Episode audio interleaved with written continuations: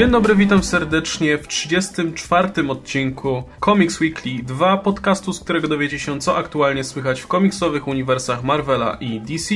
Ze mną jak co tydzień jest Adam Antolski, Ankol Mruwa. Hej wszystkim. I Oskar Rogowski, komiksomaniek. Cześć wam. No i z racji tego, że w zasadzie publikujemy ten odcinek dosyć niedługo po poprzednim, to nie zdążyło się nam tutaj uzbierać wystarczająco dużo newsów, dlatego raczej pominiemy sobie ten segment w tym tygodniu, e, a przejdziemy sobie od razu do premiery serialowej, czyli wczorajszego czy przedwczorajszego odcinka Agents of S.H.I.E.L.D. czwartego sezonu. E, no i myślę, że nie ma sensu jakoś długo dyskutować na ten temat, bo zarówno ja, jak i Oskar opublikowaliśmy już materiały na ten temat. U Oskara jest to w formie filmu wideo, e, oczywiście będzie podlinkowany pod, pod tym podcastem. No i u mnie na blogu również jest opinia na temat tego serialu, taka ogólna. Natomiast ja bym chciał krótko zapytać czy masz takie samo, jak, czy masz takie samo zdanie jak ja odnośnie tego, że Niezależnie od tego, jak oceniać ten odcinek, czy mm, powiedzmy zakładając niekoniecznie, że tak będzie do końca, to moim zdaniem widać oznaki, że coś chcą faktycznie w tym serialu zmienić i że pojawiły się jakieś znaki, że może zauważyli krytykę albo że, że postanowili naprawić te rzeczy, które szwankowały w poprzednim sezonie. Zdecydowanie. Ja nie jestem jakoś niesamowicie pod wielkim wrażeniem tego odcinka, ale fakt, że z pozycji nie chce mi się już dalej tego oglądać, przeszedłem do zobaczę następny odcinek, to uważam jest spory sukces, bo to znaczy, że zatrzymują widzów w jakiś sposób. I ten cały motyw z przesunięciem, jeżeli dobrze rozumiem, całych wydarzeń o rok od wydarzeń poprzedniego odcinka, nie mówię o tym końcówce poprzedniego odcinka, która była już zajawką tylko głównych wydarzeń, powoduje, że dostajemy taką czystą trochę, czystą kartę i jakby wchodzimy na, do kolejnego etapu, takie Marvel Now. No, które powoduje taki, tak, tak, taki relaunch i dostajemy nowe, nowe problemy, nowe zagrożenia, które nie pochodzą raczej oby, mam nadzieję, ze strony Inhumans. No nie wygląda um, na to. Neci nie zająknęli specjalnie. Raczej te zagrożenie jest paran, paranormalne, ponadnaturalne, wiesz, Doctor Strange i te no sprawy, tak, więc tak. idziemy w inną stronę i, i to jest absolutnie na plus. Tak jak mówię, nie jestem jakoś powalony tym, szkoda, ale z drugiej strony jest no skok po końcówce trzeciego sezonu, który dla mnie już się praktycznie oglądać nie dało. No właśnie, pomówmy tutaj o Słoniu w pokoju, czyli o Ghost Riderze samym, bo no to jest temat, który poruszaliśmy wcześniej, e, gdy się pojawiły pierwsze informacje, jakieś obrazki i tak dalej. No i jak, jak ten Robbie Reyes wypadł, bo moim zdaniem wypadł naprawdę nieźle i trochę się obawiałem o to, jak będzie wyglądał, czy jak... I Rider dobrze wygląda. Poradzi sobie aktor, ale właśnie, raz, że Rider wyglądał dobrze i nawet ta czaszka, która no jest, widać, że to jest takie hamskie CGI oczywiście, no inaczej się nie dało. Wiesz, co dobrze zrobili? Była fajnie wydaje, zrobiona. Wydaje mi się, że właśnie dobrą rzecz, jaką zrobili, nie starali się na siłę, tak jak w tych cudownych filmach z Cage'em, robić prawdziwej czaszki. Tam bardzo chcieli, żeby to wyglądało jak absolutnie tak, prawdziwa tak, tak. czaszka, a przez to, że miałeś realistyczną czaszkę wiszącą nad głową w płomieniach, wiedziałeś, jak to tandetnie, nierealistycznie wygląda. Tak, tak, no nie da rady tu... tego otworzyć dobrze.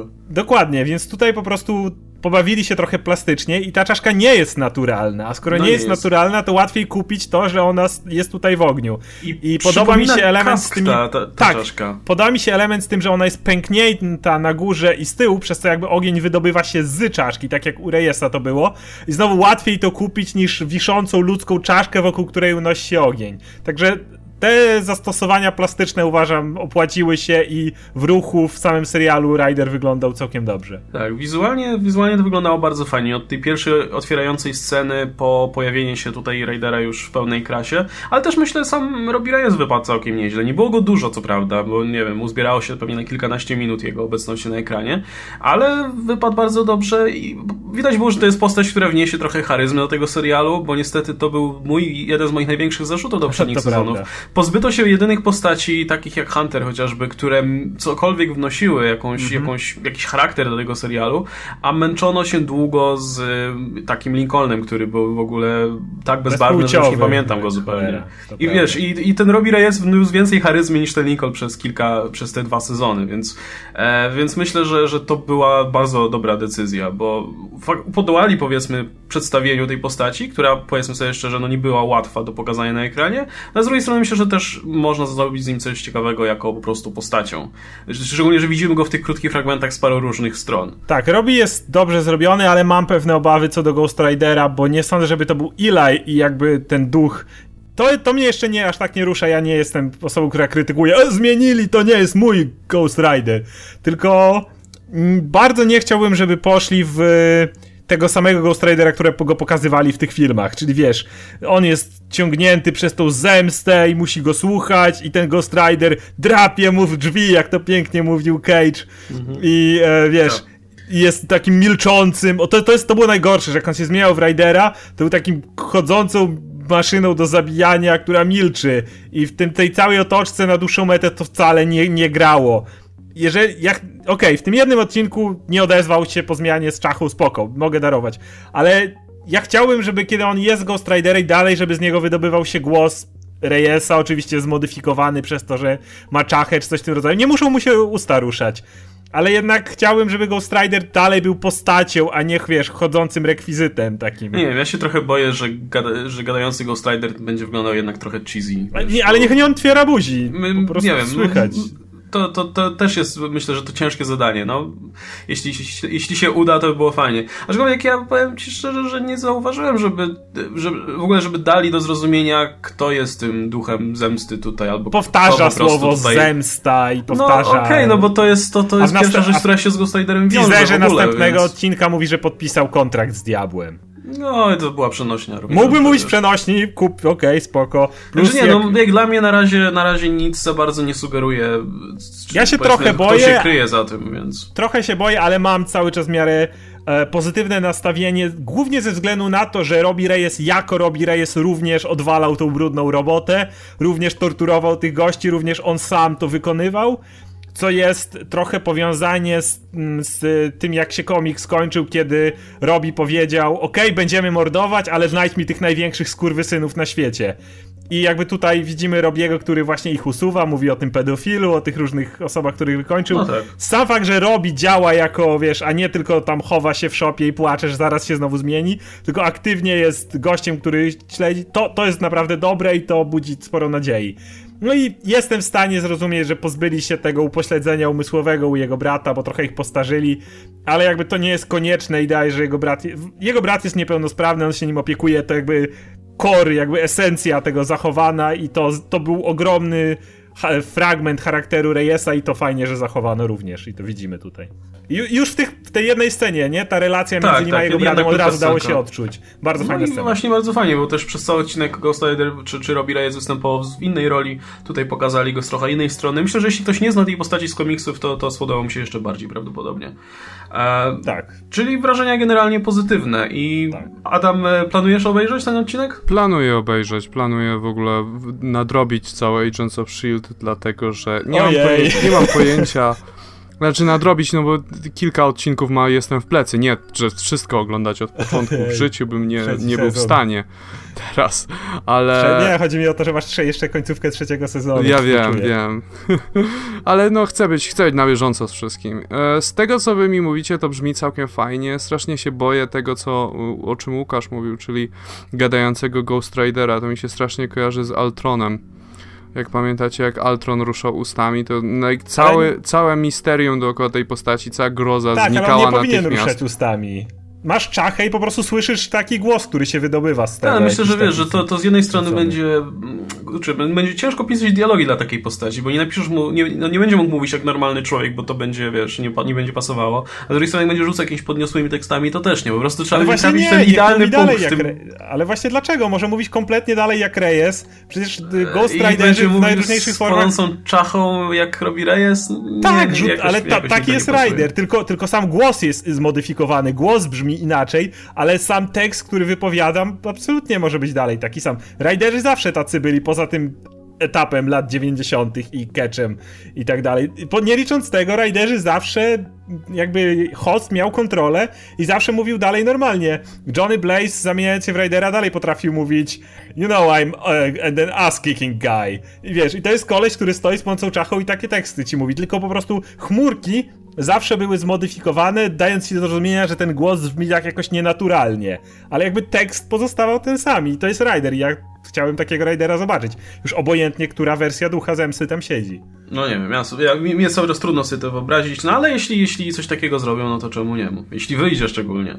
No dobra, to w takim razie, jeśli Adam mówi, że, że jeszcze planuje to obejrzeć, to do tematu pewnie wrócimy po, mhm. po nie wiem, kolejnym odcinku albo po paru kolejnych, żeby zobaczyć, jak serial się trzyma. E, no i możemy sobie przejść w takim razie do komiksów. Dzisiaj od razu przeskakujemy do komiksów, bo jest, jest, jest parę, parę ciekawych propozycji do tutaj um, omówienia. Um, więc zacznijmy może od startu eventu w, nowego w Batmanie, a w ogóle w w tytułach z Batrodziny, czyli Batmanie, w Detective Comics i w Nightwingu. E, w tym tygodniu pojawił się właśnie nowy Batman, nowy Nightwing i czyli dwie pierwsze części Night of the Monster Man, które powiem szczerze, że mi się bardzo podobało, bo to był tak, to, to była taka historia, której nie zobaczę prawdopodobnie nigdy w kinie na przykład, że, że te, tego, tego typu e, fabuły mogą się pojawić w zasadzie tylko w komiksach. I to z jednej strony przypominało mi to, co grało na przykład Detective Comics, e, czyli relacje między postaciami, sporo, sporo ciekawych rzeczy można się było dowiedzieć o tych relacjach. No, no i oczywiście był ten element tego takiego kiczowatego monster movie, gdzie nagle pojawiają się potwory, niszczą miasto i, i Batman ze swoimi sojusznikami muszą je powstrzymać. No, esencja po prostu takiego kiczu z lat, e, nie wiem, 60. powiedzmy. Podobało mi się na przykład właśnie bardziej niż Detective Comics, bo tam, bo w Detective Comics jakoś nie bardzo mi kupowała ta fabuła. Tutaj, tutaj z racji tego mojego e, przywiązania do powiedzmy tego typu filmów, Monster Movies, e, no jako całość mnie to kupiło dużo bardziej. Jak wam się podobało? Szczerze mówiąc, na mnie nie zrobiło dużego wrażenia.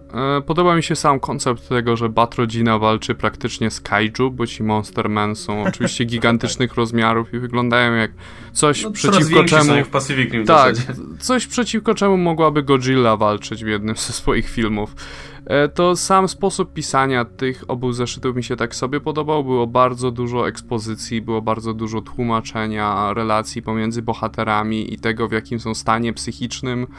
E, spo spoiler ma taki kretyński dialog z Bullockiem, gdzie Bullock w ogóle się nie przejmuje tym, że są wielkie potwory, które niszczą miasto jak ma to w ogóle w dupie i tak tylko się, tylko tak a, Ale zaczepia nie, on spoiler. Chyba o tym nie wie, jak dobrze rozumiem. Wydaje mi się, że kiedy oni tam stoją i Bo jeszcze powódź, to ewakuują ludzi, to raczej Aha, okay. tematem jest powódź. Oni to źle to, wiedzą, to trochę, to w takim razie tego nie, tego nie wyłapałem. E, ale nie, jakoś, jakoś po prostu nie kupuję tego. Strasznie mi się to wydawało wszystko syntetyczne, te dialogi i tak dalej. To nie brzmiało jak coś, co ludzie faktycznie by ze sobą, o czym by ludzie ze sobą rozmawiali. To brzmiało jakby musieli od razu tłumaczyć, jakie są, wiesz, jak, jak stoją tutaj emocjonalnie i między sobą i tak dalej. I nie wiem, jakoś nie miało to dla mnie płynności. To zarówno w Batmanie, jak i w Nightwingu, niestety. E, Nightwing mi się bardziej podobał. E, I podobało mi się też, e, podobało mi się też to, jak jest kontynuowany wątek e, Gotham Girl. Mhm. Jak Gotham Girl właśnie jest tym, ma ten przełom, że postanawia jednak pomóc ludziom, chociaż wie, że te mocy ją, jej, ją zabijają. ale jako całość będę musiał poczekać dalej. nadal nie jestem pewien właściwie, jak to działa. Gdzie jest Doctor Strange? Czemu Hugo Strange. Czemu go nie ma więcej tutaj? Ale strasznie się... napakowany jest w ogóle. Jest strasznie napakowany, siedzi nago i pakuje sobie. Pakuje, no bo to, to, to, takie... ten kadr mnie strasznie zdziwił. Hugo Strange zawsze kojarzy mi się z tym takim szalonym Znaczy, no jest szalony, który... wiesz. Ale, ale, ale, nie z kolesiem, który siedzi na siłce i pakuje i wtedy swoje diaboliczne plany obmyśla, raczej w laboratorium czy w swoim gabinecie. Nie, nie, on, on, on był zawsze fizycznie silny, w sensie nie zawsze to widać było, bo jednak, wiesz, był zawsze naukowcem, ale nie był, nie był słabym, nie był nie no teraz, był, kurde, każdy mięsień mu widać. No, ba. Taki karku ja, po prostu, wiesz, jak... Ja, no. Ja nie czytałem Nightwinga, bo jestem no. jeszcze parę zeszytów w plecy, także mogę ci powiedzieć tylko Ale o samym Batmanie. Jakby, co, jakby, ktoś nas słuchał i się zastanawiał, to można czytać z marszu, bo to się nie za bardzo wiąże z tym, co się działo wcześniej A, w Nightwingu. okej, okay. no to, to, właśnie nie, bo chciałem być na bieżąco z Nightwingiem i mam parę zeszytów do nadrobienia. Główna seria wzięła sobie przerwę, praktycznie, żeby... Jestem ten... na bieżąco z Batmanem i nie zrobiło to na mnie też jakiegoś wielkiego wrażenia, ale aż tak do tych dialogów nie podszedłem. Mi na przykład podoba się dalszy rozwój Clayface'a, który idzie przez, e, przez Detective Comics przede wszystkim. I że tutaj dalej starają się Clayface'a jako tego gościa, który już ewidentnie nie chce być Wilanem. To mi się dosyć bardzo podoba. I to jak on mówił, że rzadko kto nazywał mnie stabilnym. Znaczy tam dawno nikt mnie nie nazywał stabilnym.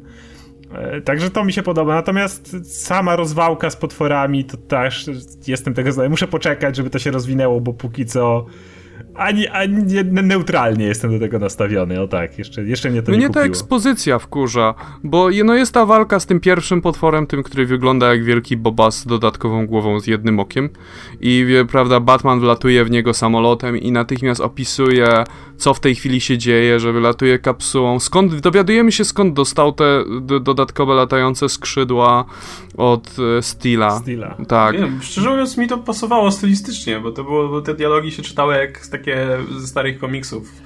Więc, y, no nie wiem, jakoś, jakoś mi ta ekspozycja pasowała, wiesz, do, do tych filmów czy komiksów, gdzie bohaterowie zazwyczaj tłumaczą to, co się dzieje na ekranie.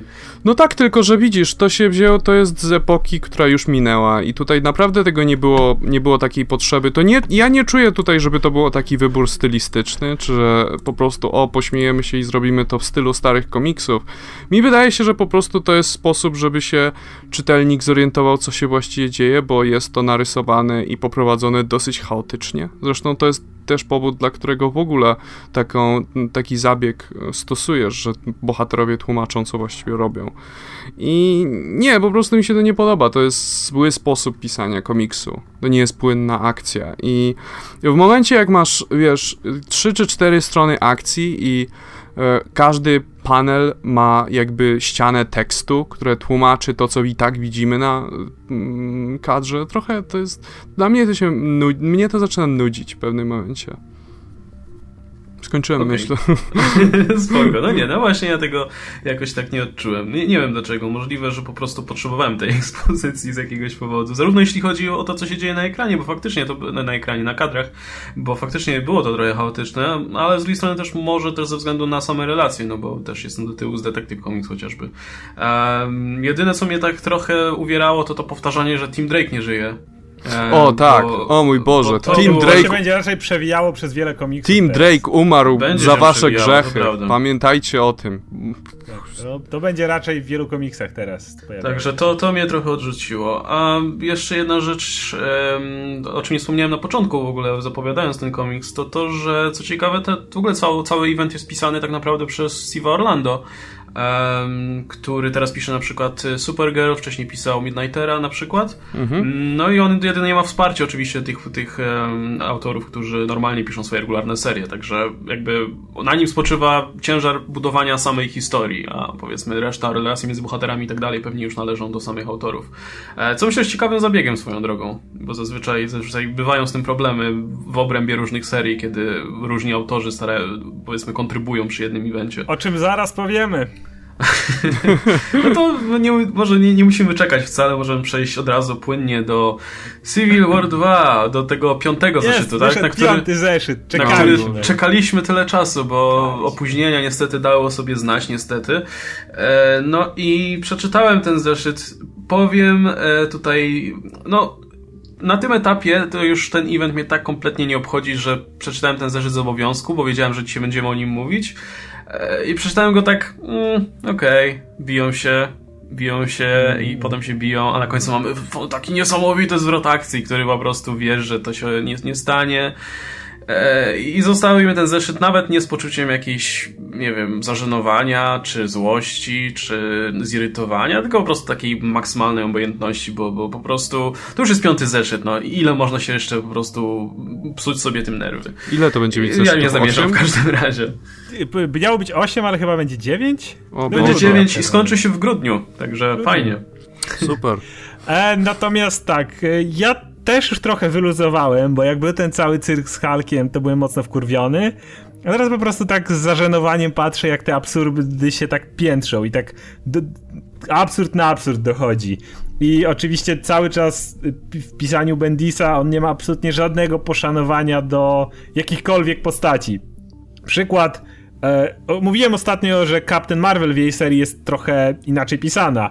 I tutaj Bendis po raz kolejny podkreślił mi, że tak, miałem rację, to są faktycznie dwie różne Captain Marvel. Od w serii A-Force, kiedy tam jest przepowiednia Ulyssesa, że Nico Minoru ma zamordować kogoś, Captain Marvel przychodzi do Nico i mówi Niko, chodź ze mną, spróbujmy to wyjaśnić. Ja nie pozwolę, żebyś ty stała się morderczynią. Nie, nie zależy tylko na tym, żeby uratować tą osobę, ale też nie chcę, żebyś ty miała na koncie, wiesz, ofiarę, nie? To też chodzi o ciebie. Porozmawiajmy o tym, spróbujmy to rozwiązać. A jak to wygląda u Bendisa w Civil War 2, kiedy pojawia się przepowiednia? Jesteś aresztowany! Po prostu bez żadnego, wiesz, idziesz ze mną, ty mały skurwielu. To, to, to, jest, to jest mniej więcej to. Oczywiście, jeżeli śledzicie naszego fanpage'a, to widzieliście cudowny wykład kapitana Blue Marvela, który mówi do Luka Cage'a Słuchaj mnie, bo ja mam edukację, a ty czarnuchu z ulicy. Are you retarded or No, something? Nie, nie dosłownie, ale No taka tak. była wymowa zdecydowanie. Wymowa jest I am taka. goddamn Blue Marvel. Ale to nie koniec, tam jest więcej. E, Ponieważ wszystko pisze Bendis, a Bendis po prostu jara się Milesem Moralesem ponad wszystko. Miles Morales to jest jego dzieło zniszczenia i on może pokonać. Miles Morales by napierdolił Galactusowi, jakby trzeba było. Ty użył Bo- Venom Blast i Ven Galactus wyskakuje na bo- niego Venom, nie? I sobie myśli sobie Bendis, ha, Spider-Man to zawsze męczył się z Venomem, ale nie mój Spider-Man. I oczywiście Miles zdjął Venoma jednym hitem, bo to jest jego Spider-Man. Jego Spider-Man nie będzie się męczył z tym kawałkiem gluta z kosmosu. O Jezu. Tak, i, I jeszcze myślisz, że w tym momencie to już koniec, ale nie, to dalej nie koniec. Jeszcze oczywiście Time Guardians, których ostatnio nawet chwaliłem. Ale w czasie tej walki, i jakby ta walka również jest z perspektywy Guardians, zostaje zniszczony ich statek kosmiczny, którym przelatują na Ziemię. I to będzie powód, dla którego kolejny story arc Guardians of the Galaxy będzie dział się na Ziemi, ponieważ są uziemieni, ponieważ Rocket Raccoon mówi, że ta planeta jest zacofana i oni nie mają jak polecieć w kosmos. Moglibyśmy kolejną godzinę spędzić wymieniając sposoby, w jakie Guardians of the Galaxy mogą polecieć w kosmos. Znowu. Pomijając, że mają, na Ziemi mają statki, którymi latają co chwila w kosmos, to cholerny nowa Sam Alexander mógł wziąć Roketa pod pachy i go zabrać do Nowhere. po prostu ilość sposobów, żeby oni podróżowali w tym kosmosie jest nieskończona.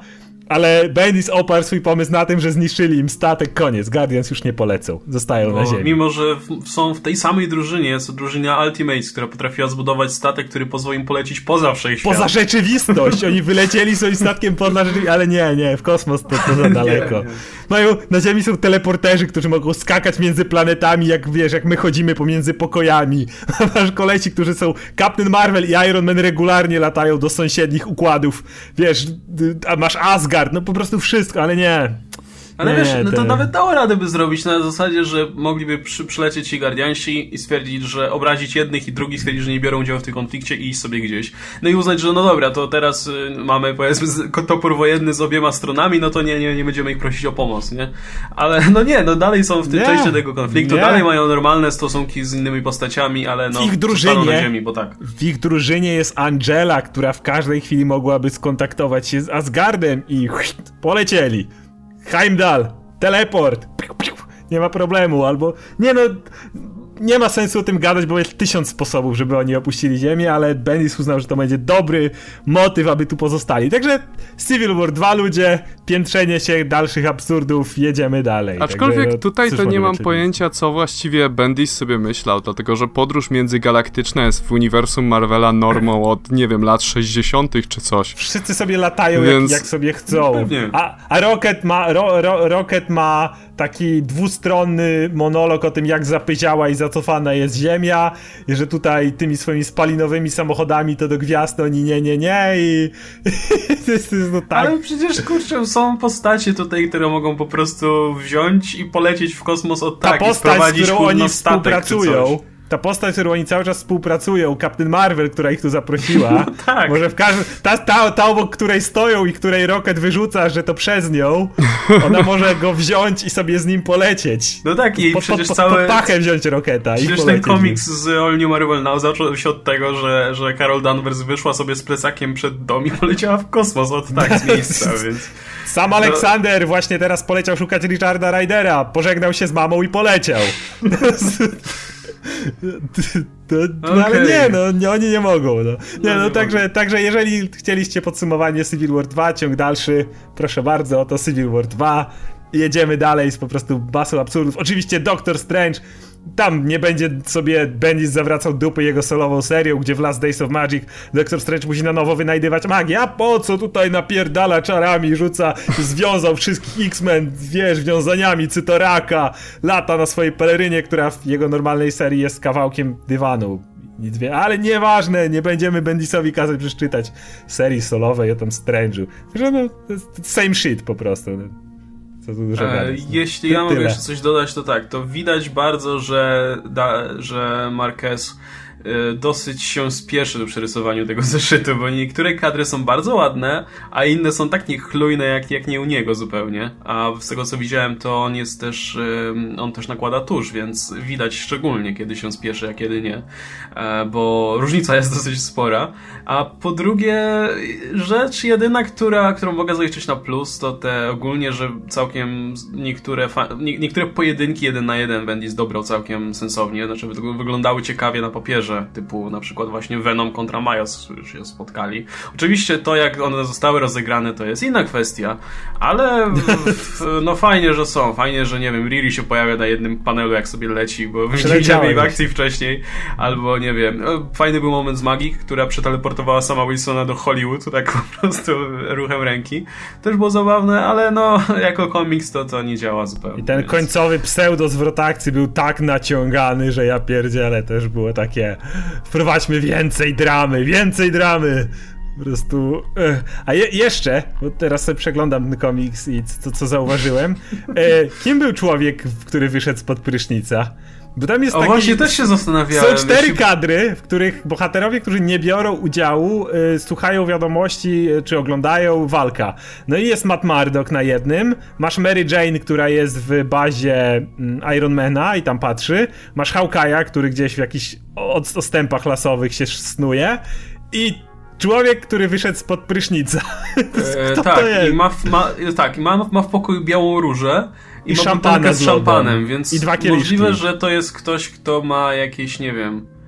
E, i, i, są dwa, dwie, dwie, dwa kieliszki do tego szampana, więc ktoś, ktoś Tylko... z reputacją, nie wiem, jakiegoś po co go tu narysowali, skoro nie wiadomo kto to jest? Rozumiem, że narysowali Mata, bo on był, brał udział w procesie. Rozumiem, że narysowali Hawkeye'a, bo wiadomo. Rozumiem, że narysowali Mary Jane, która jest teraz prawą ręką Starka, ale skoro, po co rysować gościa, z którego no nie, wiem, nie da trzeba, trzeba przejrzeć kto jest w tym komiksie, a ale po co? nie ma na po, po, po co taki, taki, po co taki panel? No nie wiem, będzie na pewno ważny później, no no ten człowiek wyszedł spod prysznica w czasie, kiedy oni walczyli. To, to, musi, to zwrot akcji, to, to musiało być Nie wiem, jeśli macie, jeśli macie jakieś pomysły, tutaj zwracam się do słuchających słuchaczy, e, to, to powiedzcie, jak myślicie, kto to jest?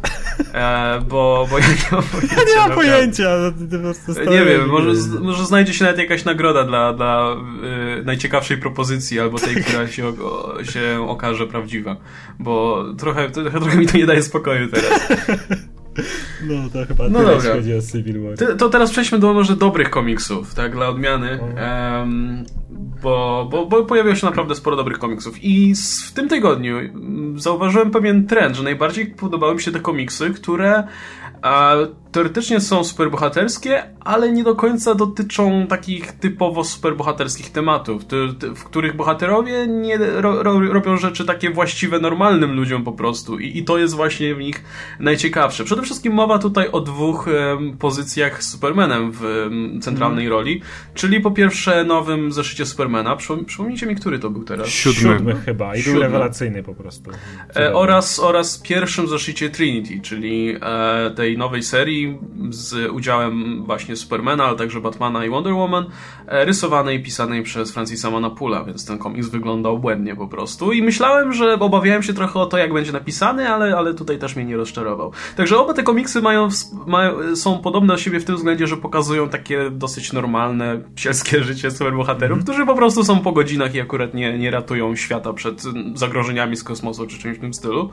E, I to jest najfajniejsze. I, I to, jak Superman jest portretowany w obu komiksach. W zasadzie nawet nie Superman, tylko Clark Kent po prostu.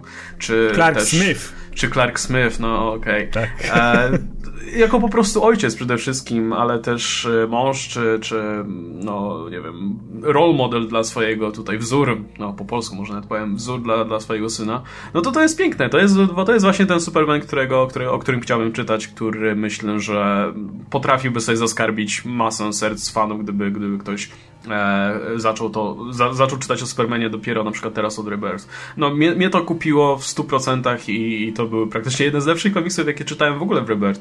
E, I myślę, że to też właśnie wynika z tego, że pokazano, pokazano tę postać, która teoretycznie jest taka. No, Superman jest symbolem tutaj bycia superbohaterem. Często się mówi o nim, że właśnie jest no, zbyt superbohaterski, że nie, nie, ciężko się z nim utożsamiać i tak dalej, ale te komiksy pokazują, że nieprawda i że tak naprawdę to, co jest najfajniejsze w Supermanie, to to, jak blisko on jest człowieczeństwa i, i, i no i takich powiedzmy wzorców, do których każdy się może odnosić. Ale mi to pięknie wyszło. Tutaj... Słucham was teraz. Ja przeczytałem ten komiks właśnie przed chwilą, jak gadaliście tutaj o Civil War i bardzo Słusznie, się dobrze, dobrze korzystać czas. E, strasznie mi się podobała relacja, relacje pomiędzy bohaterami.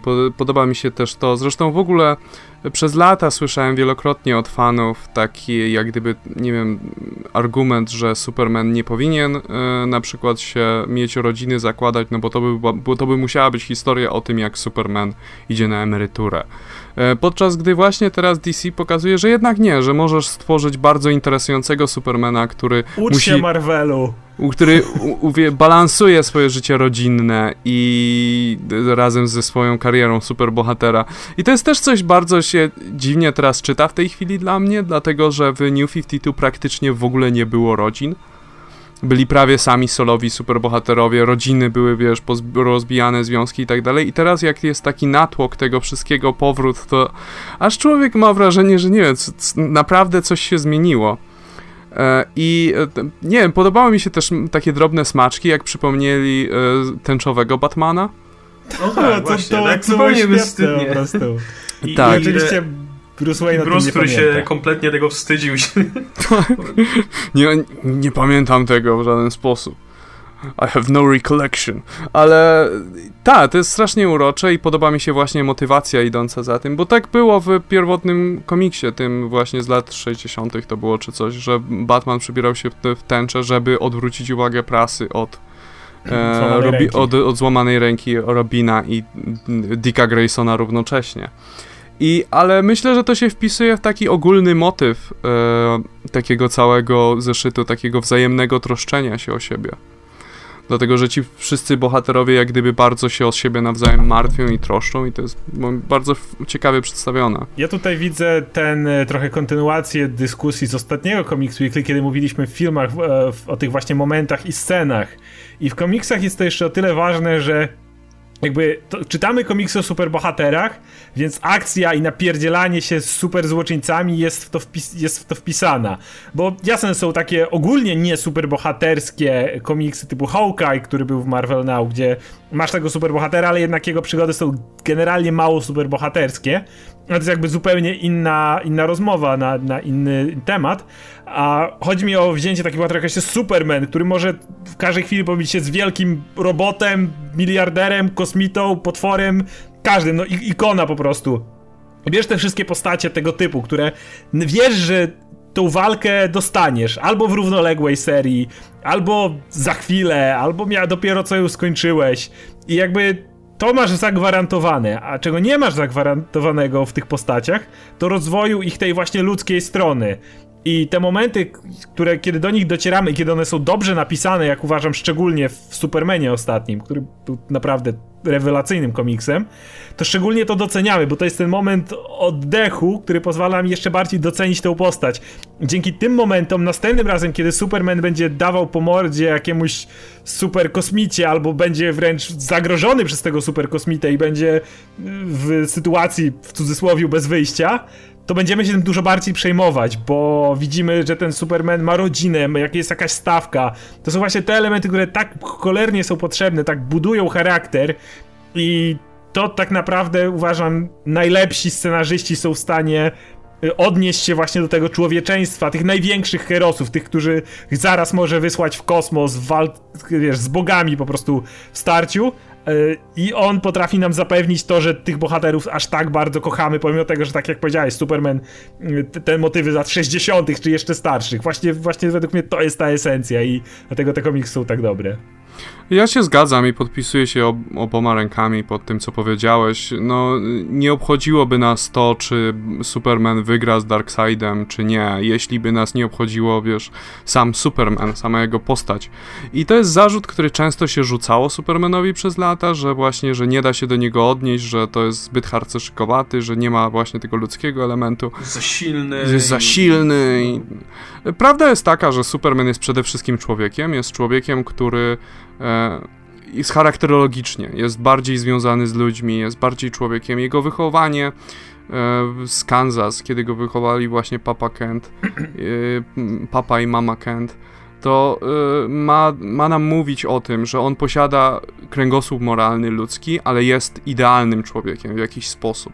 Co nie znaczy, że idealny człowiek jest odporny na jakieś zrządzenia losu czy przypadkowe rzeczy, które się dzieją wbrew jemu, jego kontroli.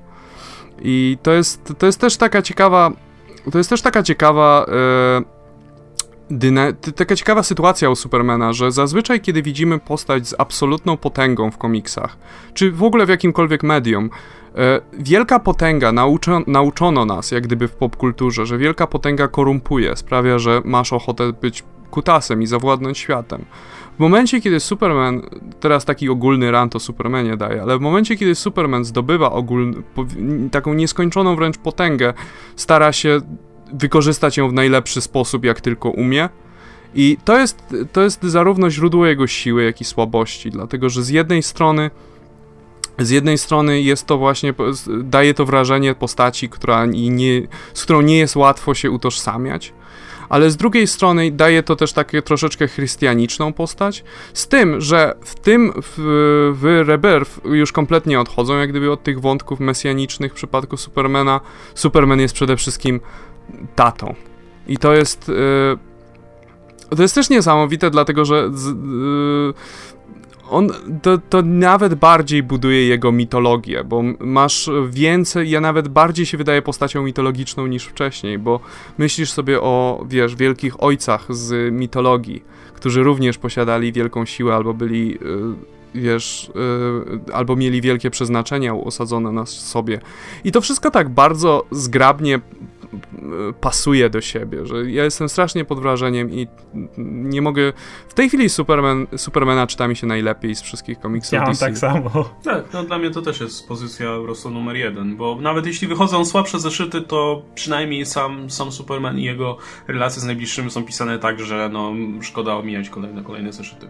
I tutaj muszę powiedzieć, że mm, jest scena, e, kiedy on z Batmanem y, jakby wychodzą z sypialni, kiedy już y, Jonathan idzie spać. I zastanawiałem się, czemu ta scena mnie tak bardzo ruszyła, dlatego że jako fan Marvela patrzę na to z dużą zazdrością niejako, ponieważ jest to coś, co odebrano Spider-Manowi. DC pokazało, że ich ikoniczne postacie, a tak jak dla DC jest Wonder Woman trójca, tak Wonder Woman, Batman, Superman, tak w Marvelu nie, nie do końca wiedziałbym, jak wymieniać trójcę, ale na pewno byłby w niej Spider-Man. I Spider DC pokazało, że można wziąć tych najbardziej ikonicznych herosów, jak, jak tylko się da, i przenieść ich na kolejne pokolenie. I oczywiście u Batmana to było już trochę w innym stopniu, no bo dopiero Damian Wayne był jest jego prawdziwym synem i tak on miał relację też ojcowską, wiadomo, z Dickiem i z całą resztą, ale u Supermana to tak dobitnie pokazali, bo to już nie jest relacja też uczeń-mistrz, tylko to jest po prostu relacja ojciec-syn. I pokazali, że to da się zrobić i Superman nie traci na tym, a jeszcze zyskuje więcej.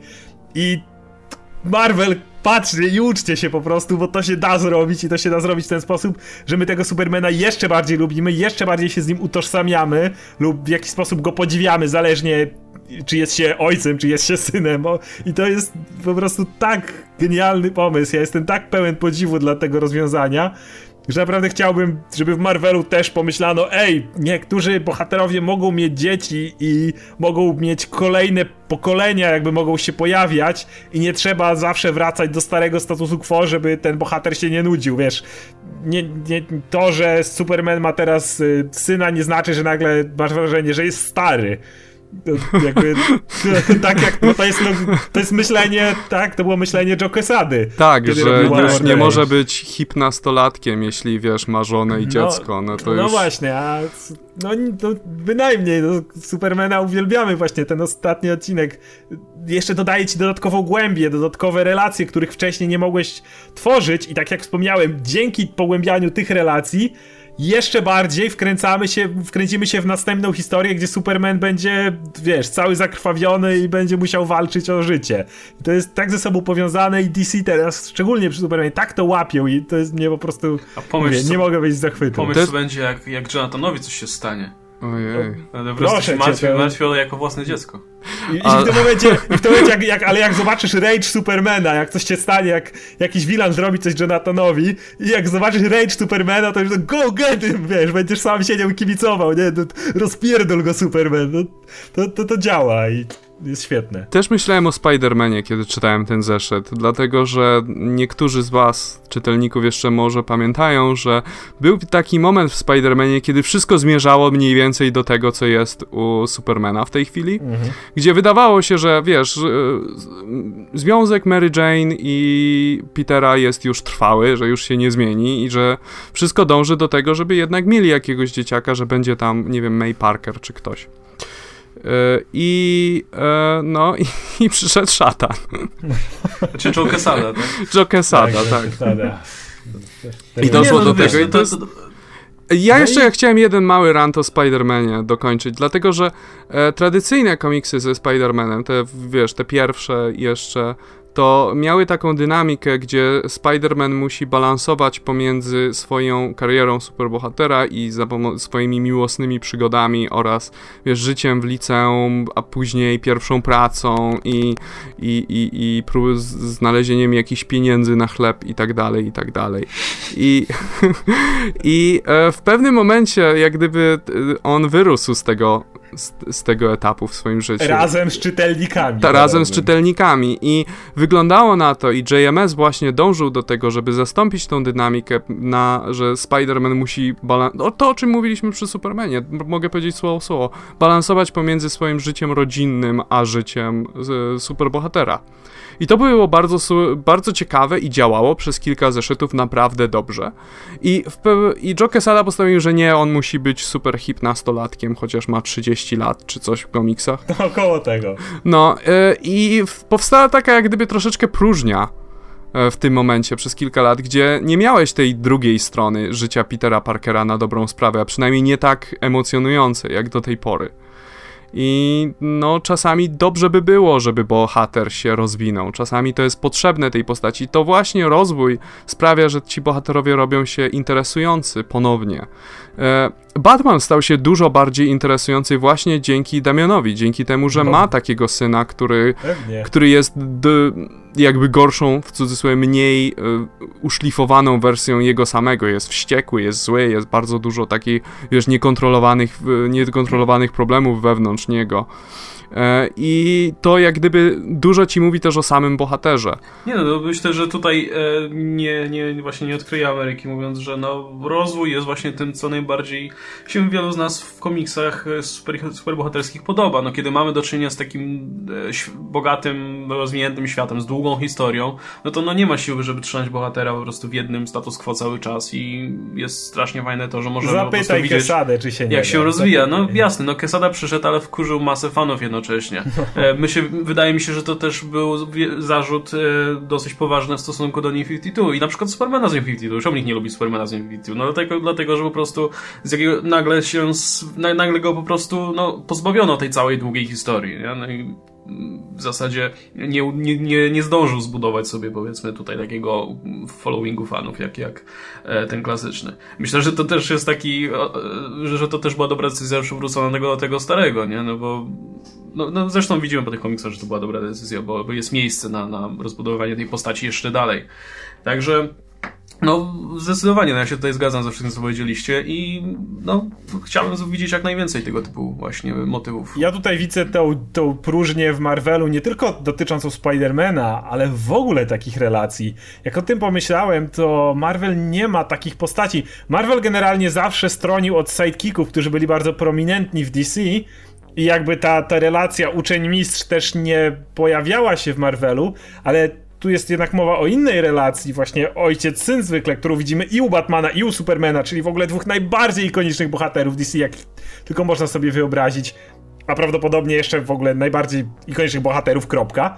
Natomiast w Marvelu w ogóle czegoś takiego nie ma. Oni cały czas balansują właśnie z tym, żeby tych bohaterów trzymać w miarę ten status quo ich zostawiać taki jaki jest, ewentualnie usunąć ich, zastąpić ich innym bohaterem. To jest ciekawe samo w sobie, ale, ale jednak DC tutaj muszę przyznać, że jest odważniejsze w rozwoju i to jeszcze nie rozwoju jakiegoś tam, wiesz, trzecioligowego bohatera, tylko oni odważnie rozwijają swoje główne postacie, bo jasne, Kapitan Hydra na przykład jest ciekawą postacią i jest czymś, co nam pokaże pewnie coś nowego o Stevie Rogersie, ale to nie jest, nie można to nazwać rozwojem tej postaci. To jest po a prostu. Właśnie, a propos Steve'a, pokazanie no z to, innej jedyna, strony. jedyny przykład tego, co mówisz, jaki mi teraz przychodzi na myśl z ostatnich lat, no to próbo, Rick Remender próbował coś kombinować z Janem, nie? Nomadem, z, ale to. Z nowym Nomadem, ale gdzieś w którymś momencie zupełnie go porzucono i, i w ogóle nie ma o nim kompletnie mowy teraz, mimo że w sumie byłoby, myślę, dla, dla niego miejsce w tym status quo ze Steve'em, który jest e, Próbowano stronie parę i tak dalej, podejść, ale no nie. Ale,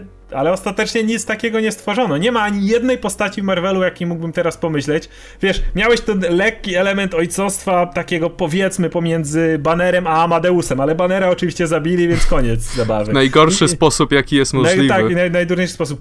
Mogłeś widzieć tego lekką, ale niestety Clint Barton jest za wielką fight łapą, żeby stanowić No model nie jest Clint ojca Barton, dla... nie jest, nie jest modelem ojca, ani trochę. Raczej starszego brata najwyżej. Duża fight i to takiego dosyć niezdarnego.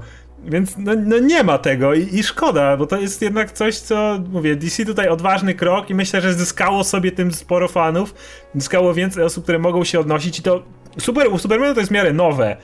Ale ja wróciłem do Batmana właśnie przy Damianie. Wcześniej w miarę lubiłem Batmana i tak dalej, ale żeby zacząć komiksy czytać, to zainteresował mnie Damian i już w New 52, kiedy dali mu trochę inny status, powiedzmy, to już się kompletnie w to wkręciłem, bo Batman stał się dla mnie znowu interesujący.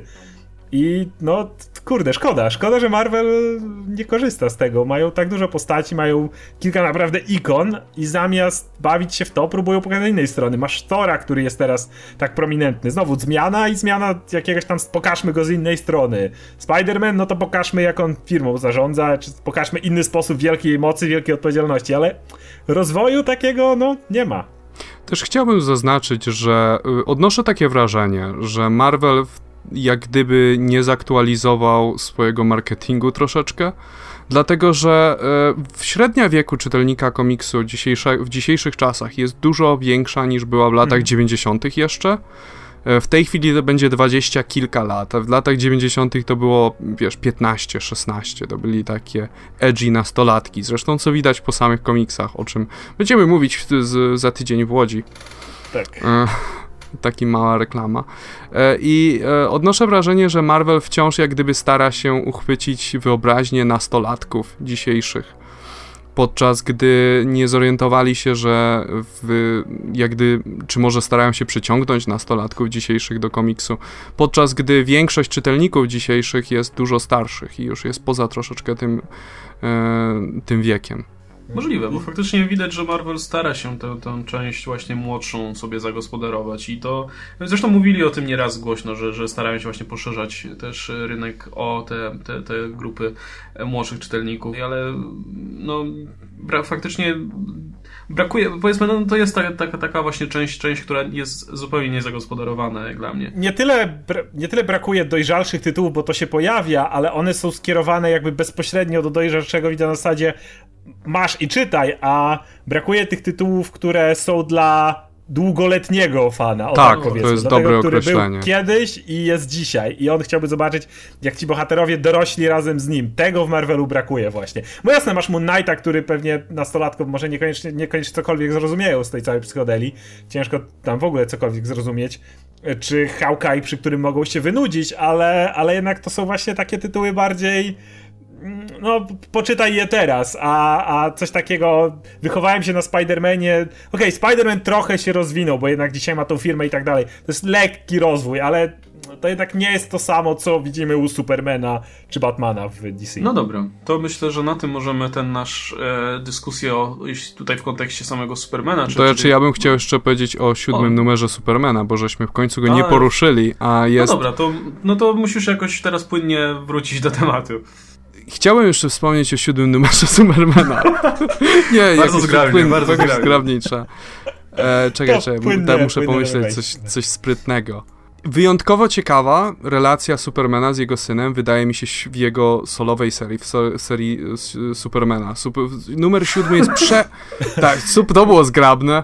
Chwila. Jeszcze ciekawsza relacja pomiędzy ojcem i synem widać w solowej serii Supermana. E, siódmy zeszyt Supermana jest najbardziej uroczym komiksem, jaki czytałem od naprawdę dawna. To jest praktycznie mhm. super rodzinka, idzie na jakiś festyn i mają zabawę. I Lois Lane oczywiście, czy Lois, jak się nazywa? Zarekwirowała pelerynę. Zarek zarekwirowała pelerynę i mówi, dzisiaj, dzisiaj nie będzie żadnego Supermana, ok? Dzisiaj, dzisiaj się bawimy całą rodziną, prawda? To było tak dobre z tą tak. peleryną. I oczywiście oczywiście, i oczywiście Clark sobie próbuje próbuje jakoś wyważyć to, dlatego że równocześnie zorientuje się, że jest rabunek szykowany i musi jakoś powstrzymać przestępców, no ale obiecał, że nikt nie powstrzyma. I cały zeszyt dookoła tego, aż do końca, aż pod sam koniec mamy rozwiązanie całego problemu. No to jest takie, to jest właśnie to, o czym mówiliśmy wcześniej, gdzie masz superbohaterów w takiej relacji super codziennej, super takiej naprawdę nie, w żaden sposób to są niezwykle. Zwykli kryminaliści, nie? To nie są potwory z kosmosu czy coś takiego, to są zwykli kolesie, którzy mają broń i chcą obrabować budkę. Tak, to są, to są goście, których Batman by rozłożył w 5 sekund. Dokładnie. Więc, Superman... Ale nie to jest problemem. Problemem jest Problem... to, żeby zatrzymać ich jednocześnie dotrzymując obietnicy żonie, że nie będzie Supermanowania. No i, i jak to robi? I jak to ten... No, ja nie będę zdradzać zakończenia, dlatego że naprawdę chciałbym, żeby wszyscy go to przeczytali, ale końcówka jest przepiękna, jak są na tym rollercoasterze. Jest... Miny, tak. y, y, mimika twarzy, która jest ich rysowana, kiedy te, to, to się wyjaśnia powiedzmy i Jonathan tam oczywiście bawi się widząc fajerwerki, ale Lois i Clark po prostu jak ich na każdym następnym panelu zmieniają się miny, to siedzisz i po prostu jako czytelnik uśmiech po prostu cię tak rozszerza tak, z każdym jest w ogóle panelem. prześlicznie narysowany ten komiks. Kto to rysował? Boże, muszę sprawdzić aż, bo mm, jest prześliczny. Ktoś, ktoś nowy właśnie. Tak? Jest tak, przepiękny. No to jest taki wiesz, przejściowy zeszyt między ranami, także wzięli pewnie kogoś, kogoś właśnie z zewnątrz. No i no, świetny, bardzo pasuje tak. powiedzmy styl do, do klimatu całej historii. No, Zresztą nie... zeszyt można czytać śmiało po prostu z marszu, więc jak ktoś, ktoś tutaj posłuchał nas i stwierdzi, mhm. że chciałby przeczytać, to można śmiało po prostu wziąć, wziąć i zacząć czytać. Dowiadujemy się też sporo o Jonathanie, co jest zawsze fajne i o nim i o tym, jak on ma swoje szkolne życie. E, I teraz też chciałem. Jest strasznie urocze. Też jest strasznie urocze, bo Jonathan jest. E, no nie mogę się doczekać Super Sons, bo e, Jonathan jest takim. czekamy, takim pięknym, krzywym zwierciadłem dla Damiana, gdzie jak gdyby wszystko jest na odwrót. Wiesz, tutaj jest optymistyczny, radosny, otwarty, no to Damian kompletnie wszystko na odwrót i... Trochę odbicie Batmana i Supermana, Tak, tak, więc ta... I o to chodzi więc, w kolejnym pokoleniu. Tak, więc ta relacja może być naprawdę ciekawa, bo e, będzie, może być ciekawa, bo nie będzie obarczona tą historią pomiędzy nimi. Jak gdyby, będzie troszeczkę inny rodzaj historii, dziedzictwa, bo obaj muszą, jak gdyby, zarówno Jonathan, jak i Damian, jak gdyby żyją w cieniu swoich ojców, i jakoś muszą się odnieść do tej historii.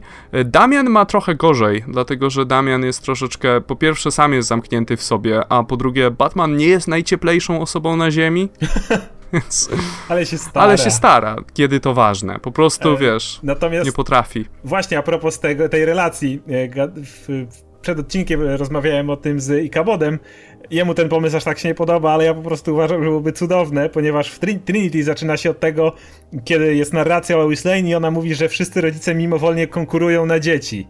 I rozmowa Batmana z Supermanem, którzy mówią, o mój syn rozwiązał tutaj tą zagadkę, wiesz, trzy sekundy, ale nie, nie chce się, wiesz, coś takiego, a po prostu jakbym coś takiego przeczytał. Na 100% wiem, będzie, na 100% będzie. Bym oprawił w ramkę i powiesił po prostu motyw, w którym y, tak mimowolnie, wiesz, nie jesteśmy kumplami, rozmawiamy sobie, ale tutaj każdy z nas po cichu mówi o tym, jak jego syn jest zajebisty i lepszy od twojego. Totalnie to będzie, dlatego, że ta seria Super Sons już to zapowiadano, jest inspirowana oryginalną y, saga of the Super Która wychodziła, nie wiem, w latach 70. czy 80., I tam to było co chwilę, co chwilę jak gdyby ten, o mój syn potrafi to i to jest ten tak dużo lepszy od twojego. I... Tak, ale wtedy było wprost, a mi chodzi o dzisiejszy styl no, narracji, jest trochę bardziej subtelny. No tak, tak, tylko że wiesz, jeżeli to ma być nowoczesna wersja tego samego, bo tak było to zapowiedziane, no to szykuj się na takie tego typu złośliwości wzajemne, bo jestem prawie pewien, że to będzie mieć miejsce.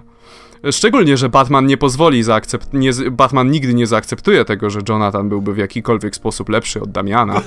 Oczywiście, że nie. nie wiem, jakoś nie pasowało ani do jednej, ani do drugiej postaci, szczerze mówiąc, także pod tym kątem mi się głównie nie podobało, ale czemu nie, no. Szczerze mówiąc jestem otwarty na wszystko w tym momencie, jeśli, jeśli, jeśli to będzie dalej pisane w taki sposób, ta relacja między bohaterami i, i te młode postacie będą pisane w taki sposób, no to też, też się jaram, bo akurat y, Damian ma takie bardzo fajne, małe występy w Graysonie, do tej, znaczy nie w Graysonie, tylko w Nightwingu.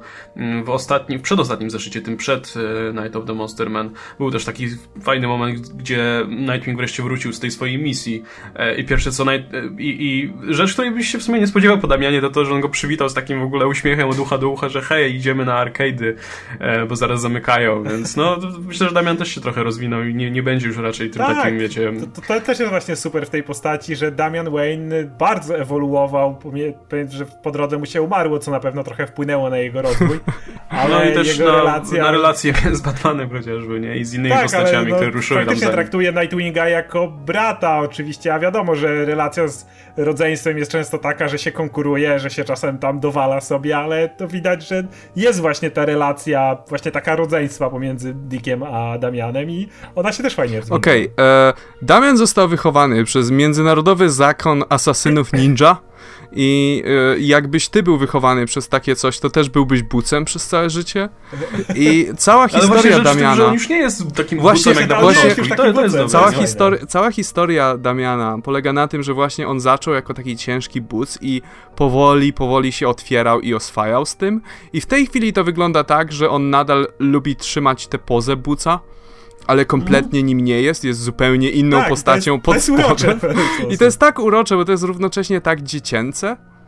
I wiesz... I to jest, i to jest tak jak jego ojciec, Też. który trzyma pozę wielkiego, tak. bezemocjonalnego buca, a pod spodem się kłębią emocje.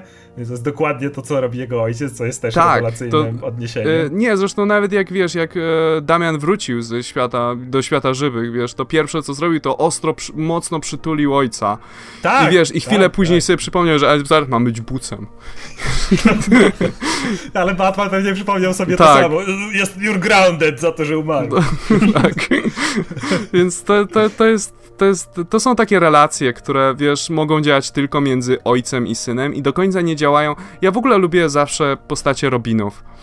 E, ale tak. Damian jest jak gdyby jedyną postacią, z którą ta relacja może być zrealizowana w pełni, ta ojcowska.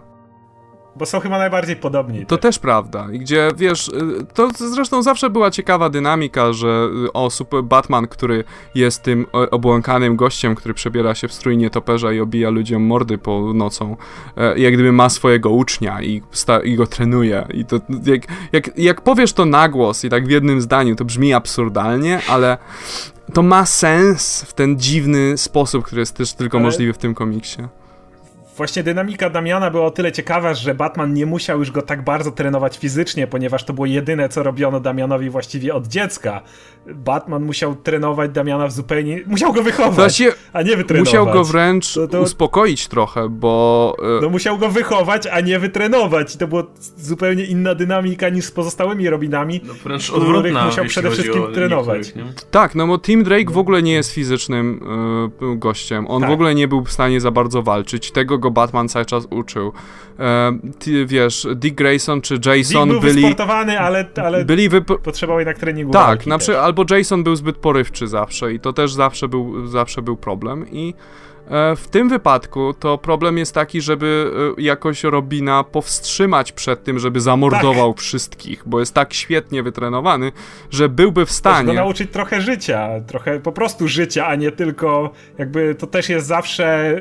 To jest też rewelacyjne, bo cały czas mówimy, zachwycamy się tym, ty, tą relacją, ale jednocześnie to jest tak wpisane w postać Batmana, którego znamy już od lat, że jak najbardziej rodzice mają często tą potrzebę, żeby dzieci nie powtarzały ich błędów, więc Batman, jaki jest widząc Damiana, który jest praktycznie taki jak on, jednocześnie chciałby, żeby on był trochę bardziej otwarty, bo sam Bruce nie jest.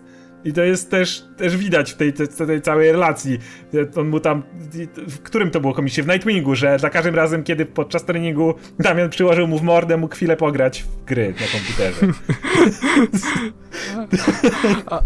Wiesz, no Bruce, Bruce nie miałby potrzeby grania w gry, jak był mały. Bruce chciałby dalej dalej się napierdalać, a właśnie on stara się pchnąć Damiana też w tą trochę inną stronę i to też jest tak fajnie wpisane w charakter i znowu podkreśla to, że jeżeli masz rozwój bohatera, ale to nie jest wcięte z czapy, to cały czas czym się zachwycamy, mhm. tylko to jest dalej Batman, to jest dalej Superman, to są dalej postacie pod tym względem i bierzemy to, co mamy i, i robimy, jak oni zachowaliby się w tej nowej sytuacji, w nowym statusie quo, który się nie zmieni od tak. No tak, to jest właśnie, to, to, jest, jest najlepsza rzecz w tym, jak już mówimy o rozwoju Batmana czy Supermana, czy tych postaci wokół nich, że, że ten rozwój jest taki bardzo organiczny i naturalny i to nie jest, i nie dzieje się nigdy wbrew e, temu, co wiemy o tej postaci, że on w zasadzie jest zawsze zgodnie z charakterem, że te postacie faktycznie ewoluują w tym kierunku, w którym no, spodziewałbyś się, że będą ewoluowały. No, to wypada po prostu bardzo wiarygodnie. I to się dzieje, kiedy to się dzieje za sprawą kooperacji kilku scenarzystów, a nie przez to, że jakiś jakiś redaktor mhm. sobie wymyślił, że o, no właśnie, teraz Spider-Man się musi tak. pozbyć swojej żony i zróbcie to na czwartek. Czy coś w no tym właśnie, stylu, wiesz, tak. jako... I to jest niestety, to jest niestety jak gdyby broń obosieczna. Czasami... Albo hej, Carol Danvers teraz będzie nacji. no właśnie. Potrzebujemy tego w komiksie. Ale, ale nie w swojej serii, ale w tej. Nikt nie czytał. Tutaj będzie ma być nacji, bo potrzebujemy będzie, do tak. tego. Także tak, jeżeli miałbym powiedzieć jako fan Marvela tą jedną mega przewagę, szczególnie przy Rebirth, bo jednak New 50, jakby nie patrzeć, no jest trochę przeciwieństwem tego, tam trochę wycofali te postacie. E, Supermana praktycznie nie tknąłem po tym, jak zmienili go i dali mu ten status Wonder Woman, bo to było dla mnie takie sztuczne, nagłe i kompletnie mi nie podeszło.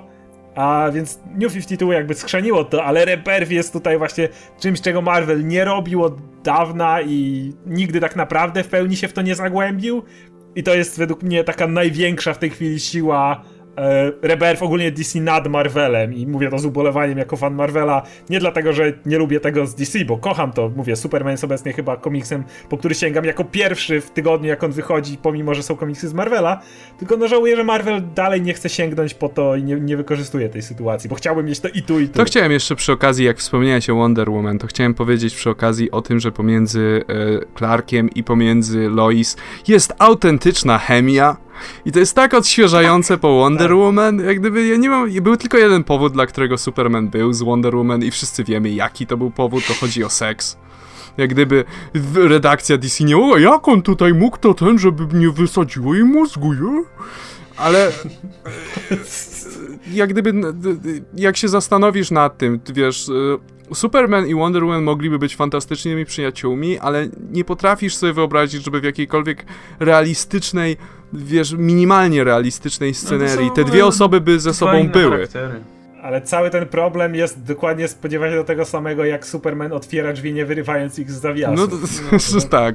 To jest, to jest, to, to jest sam problem, no. nauczył się korzystać ze swoich mocy i ograniczać na co dzień do perfekcji, robi to bez bez zastanowienia. Jezus, ale to jest w ogóle problem w komiksach, tak? Kiedykolwiek się scenarzyści przejmowali, jak działają moce Supermana, do tego no, no stopnia, no to, prawda? Wymyśleć możesz jakikolwiek bzdura, bullshit, no. nosi na szyjnik jest... z kryptonitu, proszę, voila. Nie, no jest, jest to bardzo fajne wytłumaczenie, że po prostu panuje nad swoimi mocami i tyle. Gdzie mieliśmy no zresztą... mocami, dokładnie. Zresztą Trinity... On potrafi otworzyć drzwi, potrafi odkręcić kran, W Trinity mieliśmy zresztą fajny przykład niepanowania nad mocami, kiedy Jonathan się zapomniał i niechcący strzelił z oczu, gdy, gdy nie, próbował tak. używać wzroku rentgenowskiego. Wizja mu się i... pomyliła, tak. Zaczął od rentgenu, a przeszedł na hit vision. No i proszę, no co, jak, jakby wyglądał Superman, gdyby nie panował nad swoimi mocami? No, wow, proste wytłumaczenie.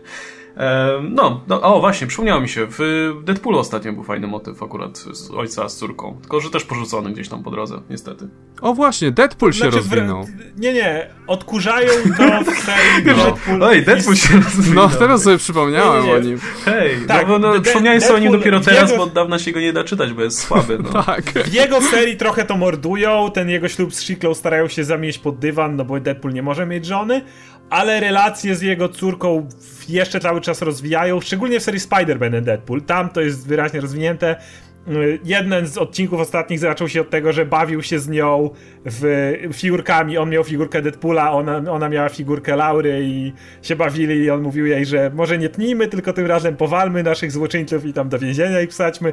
I widzisz tą zmianę. I tak, Deadpool przynajmniej w tej części się rozwija, ale w jego drugiej serii no już nie, drugiej, drugiej użył po... jej raz jako przynęty, więc to był cały Aczkolwiek podoba mi się to w Uncanny Avengers z kolei, że Deadpool stanął po stronie Cable'a raz, bo Cable to jego ziom, ale dwa, bo odkrył, że jego córka jest mutantką. I jeżeli nie pozbędą się problemu Terigenu, to on w tym momencie nie chce stawać po żadnej ze stron, ale to jest jego córka, więc no siłą rzeczy, sorry, sorry Inhumans w tym momencie. I to też tak, Deadpool idzie w tą stronę, ale z drugiej strony masz wrażenie, że tam po prostu w redakcji, nie wiem, Kesada czy ktoś buduje taką palisadę i tak starają się, żeby wiesz, tej linii nie przejdziesz, Deadpool, tutaj będziemy cię cofać, tutaj linia na piasku, dalej nie pójdziesz. Więc no... Nie, czujesz, że ten rozwój jest taki mm, hamowany, mocno hamowany. No dobra. E, to jeśli to na sam, to w takim razie na sam koniec jeszcze pomówimy sobie o e, jedynce, która się pojawiła w tym, w tym, e, no w tym tygodniu. Jest to jedynka, do której się trochę zabierałem jak pies do jeża i mi się nie chciało, bo jest to postać, który, z którą w ogóle nie byłem związany nigdy, ani w komiksach, jeśli gdzieś tam mi mignęła, to nawet już jej nie pamiętałem. E, nigdy nie czytałem Tytanów. E, nie oglądałem kreskówek, gdzie, gdzie ponoć sobie zdobyła masę fanów e, i fanek. Mm, dlatego, no tak mówię, no Raven, co, co, to, co to ciekawego może być. Ale komiks mi się podobał, bo to bardzo mi się podobało, jak sportretowali tę bohaterkę, bo to była taka Lydia z Beetlejuice. Po prostu komiks o takiej e, gotce z problemami, która Ale idzie przez szkołę bardziej. i tak patrzy na wszystkich, jaka, że, że tak, no, patrzą na mnie i nie wiedzą tego, co ja i tak dalej. Jestem tak, tak bardzo cierpi. Ale to było takie, to, to nie było właśnie takie bardzo, nie wiem, um, no nie wiem, ironiczne ani w tym stylu, tylko że no, faktycznie, faktycznie ta postać miała swoje problemy, a jednocześnie była charakteryzowana jak taka właśnie gotycka, alternatywna nastolatka, co tak bardzo fajnie ze sobą grało. Zresztą mamy tutaj też oczywiście motyw, mo, motyw e, ojca, więc jakby możemy nawiązać do poprzedniego, poprzedniego tematu. No i też mamy ten element właśnie bohaterki, która jakby próbuje, e, no element rodziny powiedzmy, niby bohaterka, która jest wyrywana ze świata superbohaterskiego, ale tutaj ten motyw rodziny jest bardzo fajny i też dosyć taki e, pokazany w niestandardowy sposób, bo mamy po postać, która, tra która trafia do rodziny, która nijak ma z nią nic wspólnego, w ogóle jest jakby z innego świata zupełnie i, i w tym komiksie w jakiś sposób e, zmienia swoje nastawienie do tego, co myślę, że mam nadzieję, no myślę, mam nadzieję, że to będzie w jakiś sposób tam dalej rozwijane. Także Powiem szczerze, że no, zaskoczył mnie ten komiks i, i, będę sobie czytał dalej. Taka bardzo ciekawa, trochę właśnie. Komik, właśnie to jest taki komiks, który trochę się różni od pozostałych e, z Ryber, także dla mnie, dla mnie plus. E, Raven jest córką Trigona, czyli autentycznego jak gdyby najbliżej co masz do szatana w uniwersum DC, no takiego tak, diabła. Zresztą jest jasno w tym komiksie powiedziane, tak. gdyby ktoś no, nie wiedział. nawet chyba określiła go mianem diabła. Tak. Dokładnie. I e, trafia do swojej dalszej rodziny, która jak gdyby zatraciła swoje, swoje dziedzictwo piekielne i jest taką jak gdyby najbardziej... Jest przeciwnie, taką najbardziej tak, konserwatywną, jest... radosną, chrześcijańską rodziną, jaką tylko się da, taką kochać sąsiadów i tak... A to nie jest tak, że to jest rodzina od strony matki po prostu? Eee, Jezus, to jest jej e, ciotka, jest tak, tak. Siostra jej tak, matki, a... więc ja zrozumiałem, że oni z Trigonem nie mają nic. No nie, ale jej matka jak gdyby też, no matka, też, tak, jest, też jest powiązana z tym, z tym całym, z, z tą całą sektą dookoła mhm, i z tym okay. całym światem. Więc yy, i z tego co wiem, to ta ciotka jest zasugerowana, że ona uciekła od tego. Mhm. Tak, tak, Więc... ja rozumiem, że ona nie... I, po, I zrobiła wszystko, żeby o tym zapomnieć i to dlatego, je, dlatego jest tak, słuchaj, teraz, wiesz, radosna i tak dalej. Mhm. I próbuje równocześnie we współczesnym liceum przeżyć, co bywa trudne dla normalnych dzieci, a co dopiero, wiesz, dla y, córki właściwego diabła. I myślę, że ten y, komiks nie wypada pretensjonalnie, czy tak jakoś, wiesz, zbyt emo, właśnie dlatego, że... No tak szczerze wypada, mimo, mimo tej takiej emo otoczki, to, to wypada bardzo szczerze. Ona się nie wywyższa przede wszystkim. Ona nie jest jest y, dziewczyną, która ona sama nie, nie tyle czuje się zagubiona, tak jak powiedzmy Imo, wiesz, oni mnie nie rozumieją, tylko ja też ich nie rozumiem. Tak. Jest ten moment, kiedy oni wychodzą i coś tam, ona mówi, o, Beast Boy mi o tym mówił, to jest konwersacja, a teraz moja kolej, chyba. Nie jestem pewna. To jest takie właśnie, czujesz sympatię do niej, bo ona nie tylko y, traktuje ich właśnie jako gości, którzy nie mają pojęcia, co się wokół dzieje, nie dzieje, ale też o dziewczynę, która chce trochę zrozumieć ten świat w cudzysłowie normalny. I bardzo spodobał mi się moment, który skojarzył mi się z kolei z komiksem Runaways, y, gdzie wyeksploatowali ten motyw, że y, każde dziecko, każdy nastolatek uważa, że jego ojciec, jego rodzice są źli, i w Runaways okazało się, że są naprawdę źli. I tu jest ta rozmowa, kiedy oni pytają, hej, jaki jest twój ojciec? I ona jeden słowo odpowiada, evil. I tam ci, no, mój też, no, mój też ojciec. to mi się tak skojarzyło i to to jest znowu jest takie w tą stronę pokazane. Czasami nastolatki nie, nie wiedzą, co to znaczy evil. Ale to jest w dużej mierze też to, to jest w dużej mierze powrót do korzeni dla Raven, takich super, super pierwszych korzeni, tak właśnie z lat 70, 80., no przesadzam, że 70., ale takich momentów, kiedy właśnie pierwszy raz się pojawiła. Zresztą to jest pisane przez jej twórcę, przez Marva Wolfmana. No właśnie, właśnie, to warto zaznaczyć. I to, I to bardzo widać, dlatego że ona jak gdyby w swoich pierwszych komiksach także nie mogła sobie poradzić kompletnie z konceptem emocji. Jest, zdaje się, jeden jeden ark Tytanów, który się koncentruje tylko o tym, że y, Raven uczy się takich prostych konwersacji, czegoś takiego. I wtedy uczyła ją Starfire, co też było interesujące, no bo Starfire jest kompletnie na odwrót, jest zbytnio, zbyt tak, eksponuje tak, swoje emocje, jak gdyby jej rasa cała żyje emocjami, podczas gdy Raven jak gdyby nie, nie, nie jest w stanie sama z siebie wydobyć żadnych emocji bez pomocy dodatkowej dzięki za informację o Marwie Wolfmanie, teraz muszę doczytać koniecznie obowiązkowo. Ale to no. jest w ogóle, słuchajcie, no Marv Wolfman to jest gość, który e, czy Wolfman, to jest, to, jest, to jest rocznik 46, gość ma 70 lat e, i pisze komiks o emo nastolatce w liceum i pisze go w taki sposób, że, że w życiu byś nie pomyślał, że, że to, jest, to jest człowiek, który ma no, sporo lat na karku. E, no i to, to, co mi się podobało, to, że ci, to, to nie są stereotypowi nastolatkowie, wiecie, to, to takie kliki, jak są w filmach amerykańskich i, i jak się trafia post, jak, się, jak się trafia nowa uczennica, która jest trochę outsiderką, to wszyscy od razu ją wytykają palcami i tam się z niej śmieją i tak dalej. No tutaj tak nie było, więc po prostu chwała mu za to. Ale to chyba jest y, talent Wolfmana, który chyba jest w duszy zawsze nastolatkiem bo nie byłbym sobą, gdybym tego nie wtrącił. Kiedy stworzył Richarda Rydera, to też stworzył go w liceum. I, i, też, I też była to postać po prostu, która cały musiałeś, czas swoje problemy licealne. No, musiałem, nie byłbym sobą. Więc w tym wypadku on chyba jest po prostu wiecznym nastolatkiem bez względu na wiek i to, to, jest, to jest jego, jego klimat. Czy pisał... Mówisz, że w latach 70 pisał. Nie, to, 80 e, chyba przesadziłem 80. trochę. Bo no to właśnie nie... Richarda pisał w 70 czyli skończył mu się, wiesz, Richard mu podrósł, to przeskoczył na kolejny inną postać. Tak, 80 teraz sprawdziłem, w 80 no, siedział na New Ale to widać jest jego, jego klimat. On, jeżeli się nie mylę, pisał też więcej nastoletnich grup. On chyba coś z mutantami pisał, jeżeli się nie mylę, więc to chyba jest po prostu, nie, nieważne ile ma lat, to jest, to jest jego nisza i, i dobrze się w niej czuje i ten komiks się też dobrze O, on czytało. pisał, wiesz, całą masę rzeczy. Nie, nie zapominaj o tym, że on też no odpowiada za kryzys na nieskończonych ziemiach, mhm. czyli taki najbardziej patetyczny, najbardziej wzniosłą tak, tak, historię, jaką DC kiedykolwiek wypuściła do, do, tego, że dzisiaj się tego nie bardzo da czytać do tego stopnia, ale y, on ma, on jest bardzo utalentowanym y, scenarzystą, wiesz, on ma, on jest bardzo giętki, tak bardzo elastyczny i potrafi napisać praktycznie każdą postać każdy typ postaci, na, tak żeby była wiarygodnie i tak Wierzę. dalej. E, on zdaje, on też pisał Adventures of Superman w latach 90., 80., przepraszam cię. I on w dużej mierze odpowiada za nowy obraz Lexa Luthora, takiego bardziej industrialnego i, i on bardzo wiele, on wiele, on praktycznie do każdej w każdej postaci coś wnosił. E, nie, nie pamiętam teraz, to z, zdaje się, że on i Danny O'Neill stworzyli Tima Drake'a, jeśli dobrze pamiętam. E, moment, sprawdzę to, bo jeśli, jeśli się pomyliłem, to Ma, e, Marv Wolfman stworzył Tima Drake'a, więc to jest też kolejny, więc wiesz, możesz wymienić całą masę postaci stworzonych przez Marva Wolfmana, które są uwielbiane.